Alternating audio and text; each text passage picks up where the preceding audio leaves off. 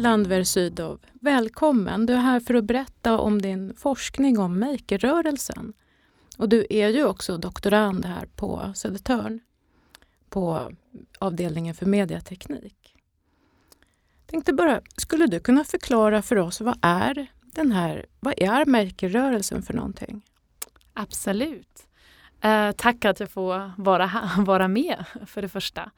Um, så min forskning handlar just om en global subkultur som då heter Maker-rörelsen eller Maker Movement på engelska. Och jag, um, jag är ju ganska uh, inriktad just på den svenska kontexten och um, kollar ganska nära på uh, den här rörelsen och hur den utspelar sig här i Sverige. Vad är det för någonting? Alltså vad är det folk gör? Eh, alltså makerrörelsen är eh, som sagt en, ja, en global eller en subkultur. Det är mest, eh, alltså det är egentligen hobbyister som håller på med att bygga eh, saker, bygga fysiska eller fysiska och digitala artefakter. Och det är det också making-begreppet eh, definierar. Um, och det är just den här kombinationen av uh, hardware och software av olika um, traditionella material som till exempel textil, trä, metall, um, olika plast eller syntetiska former och eh, tillsammans med just digitala uh, uttryck som eller kod och computational materials som vi kallar dem också ofta eh, i engelska sammanhang eller i forskningssammanhangen.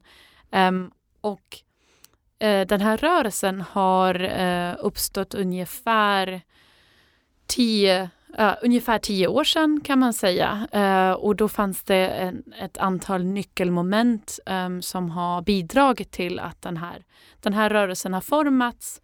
Um, men samtidigt har den liksom rötter längre bak, ligger liksom längre bak i, i tiden också. Så det en förhållandevis ny um, ja, rörelse uh, som handlar just om bygga saker, om uppfinna kanske, dagens uppfinnare, uh, på att utforska uh, material, använda sig av verktyg och istället att saker händer i en garage själv, liksom själv hemma hos någon har man börjat träffas på speciella platser, på specifika, specifika platser såsom makerspaces eller det finns andra saker också, hackerspaces eller fab labs, alltså fabrication labs. Det, det, det, heter lite olika, det betyder också lite olika saker. Men, men det, är, ja, det är helt enkelt människor som träffas eh, och hänger och bygger saker och känner att det är jättekul att just jobba jobba på det sättet. Vad kan det vara för sorts saker? Det kan vara lite robotar, eller hur? Precis, eh, robotik, ganska stort tema.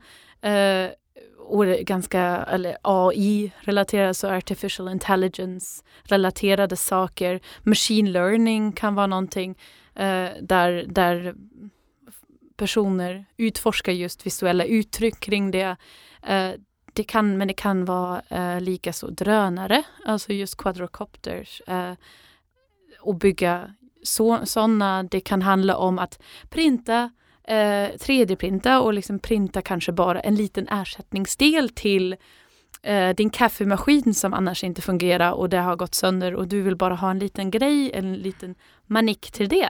Så det kan vara det. Det kan å andra sidan vara en klänning som är eh, kanske lite mer textilhållet eh, som du bygger in elektronik i eller LEDs och olika kretsar eller bygga in kretsar kring det. Eh, för att ha det självlysande kostym, eh, bygga ett kostym, tänk cosplay, tänk ehm, Ja, det finns ganska många användningsområden och alla som kommer dit har välja lite olika inriktningar. Så det det kan vara personer som är intresserade just av elektronik eller andra är intresserade av just eh, biohacking. Så eh, just kanske DNA eh, och printa, printa i DNA eller jobba med eh, verkligen så här celler. Eh, andra ehm, är intresserade av att arbeta med trä och lite mer snickeriaktigt. Men kanske sätta någon form av sensor mitt på en artefakt som, som hen bygger. Eh, och då eh, förvandla det till, till kanske något annat eller få något annat till det. Så det finns både möjlighet att göra traditionella kanske bygg och fixa projekt eller det kan vara någonting väldigt utfor ja, utforskande, eh, spännande, ja, eh, upplevelsekopplad. Alltså det är superspännande. Och någonting som jag tyckte var häftigt också när du berättade, det är just det här att folk gör ju för att det ska vara roligt. Att det är underhållning och hobby mm. snarare än att allt ska vara så nyttobaserat. Det kan vara nyttobaserat också men att ja. folk verkligen samlas ja. för att liksom göra roliga saker tillsammans och ja. bygga. Precis, eller kanske leka. Mm. Eh, eller det, inte allting måste vara så otroligt ja, eh, seriöst. Mm. Eh, det, det, det, är någon, det, finns en lekfullhet i det. Vilket, som, vilket många känner är väldigt tilldragande. Um, andra använder det ju väl, verkligen för att uh, jobba på en prototyp och ha en väldigt inriktad tanke. Oj, nu, nu vill jag um, prototypa nästa uh, tvättmaskin eller någonting eller så. Alltså det kan ju vara uh, en stor eller en, en, en, en, en lampa som, som um, kommer användas i områden där det inte finns elektricitet och det kommer ha nytta uh, på en helt annan nivå. Men det kan lika gärna vara ja, något, något jätteprojekt, alltså någonting, oj, det här är kul, det här gör jag. Inte allting måste vara meningsfullt, men det betyder inte att det inte är det. Det kan vara det. Sofie, du har ju tittat på själva kulturen i den här makerrörelsen. Eh, vad skulle du säga är utmärkande för den? Just eh, just den här kulturen, jag tänker att den når ganska långt. Det har, det har uppstått ett intresse som inte just stannar i det här hobbyist practice, i den här, ja, den här verksamheten, utan som når liksom längre. Som eh, till exempel lärande inom just eh, ja, lärkontext, att learning by doing, det är kanske ja, det är ett ganska känt begrepp. Men att återupptäcka just det begreppet och, och eh, verkligen använda det i olika lärsammanhang. Det funkar ju här på högskolan med studenter. Learning by doing gör någonting verkligen praktiskt istället för att bara förmedla teori. Verkligen koppla ihop det. Det finns ju den eh, ingången. Men just för barn, alltså som målgrupp med barn, med yngre eh, i skolan och efter också efterskolans verksamheter. Då finns det verkligen ingångar och det finns ganska många klubbar och initiativ som just inriktar sig för barn. Och, um, ja. Uh, och där tänker jag, där finns olika ingångspunkter. Andra är för exempel in, industrin, att startup-världen är ju intresserad av oj, men är det här the next, the next big thing? Alltså den här ny, nya stora grejen som, som kommer crowdfundas och som kommer görs, eh, bli den storslagna um, momenten. Och här i Stockholm, vi är ju en otrolig innovationsdriven stad. Uh, och Sverige ja, som land såklart också. Um, att det, det sätts ganska högt värde på just innovationsfaktor och hur bra idéer, hur bra är det där nya idéer föds uh, och förverklig, förverkligas um, på något sätt. Apropå det, jag är ju jättenyfiken på uh, din forskning. Vad är det du vill ta reda på? Så jag är tre år in i min doktorandtjänst Eh, Eh, vilket betyder att jag har haft ganska lång tid redan att verkligen sätta mig in i eh, maker-rörelsen. Och börja förstå liksom, hur hänger det ihop? Vem, um, hur är det organiserat? Vad finns det? Vem är intresserad av det? Uh, vad finns det motivation som står bakom det? Så där har jag först försökt mappa just de här, de här intressen och motivationen och, och sen verkligen gå in och uh, kollat närmre på vad är det som faktiskt händer. Och jag fokuserar just nu ganska mycket på eh, vad är det för upplevelsen eh, som eh, man kan upptäcka i samspelet mellan maskin och människan, eller här maken och den teknologin som utvecklas. Um, och vad är, det, vad är det för material som vi pratar om? Så jag är jättefascinerad av just materialfrågan. Vi är omgiven av material såklart. Men material har också blivit, på den senaste tiden, blivit mycket mer relevant eh, i interaktiva sammanhang i vår, alltså, om man tänker medietekniksammanhang där vi befinner oss det har blivit så en sån viktig byggsten för om du tänker wearables, om du tänker IoT-lösningar, att internet ska flytta in i precis allt omkring oss. Då måste vi ju tänka, men vad gör det med tinget? Vad, vad gör det med, liksom den, den, med, de, med den relationen? Hur kommer vi behöva förhålla oss till de här nya materialen som dyker upp och de verktyg som finns tillgängligt? Jag tänker att just maker, makerkulturen och de här platserna är en jättebra ja, lekplats att utforska detta på. Så där kollar jag, där, det fokuserar jag ganska mycket på. Just nu kollar jag ganska mycket just på 3D-printing och vilka praktiker händer där. För jag tänker, det är en ganska bra vägledare. Att den oftast, eh, 3D-printing kommer oftast upp när man börjar diskutera eh, eller börjar prata om makerrörelsen. Då är det, ja just det, men ja, 3D, alla måste ha en 3D-printer för det, det är väl det det betyder. Och, då, och jag tänker liksom, oj, vad, men vad är det? Vad, vad händer i den relationen med just den maskinen? Och inte bara den, men den är precis så spännande för den översätta från det digitala till det fysiska. Så här har vi någonting som verkligen kanske identifierar den här making, vad making kan betyda i en maskin.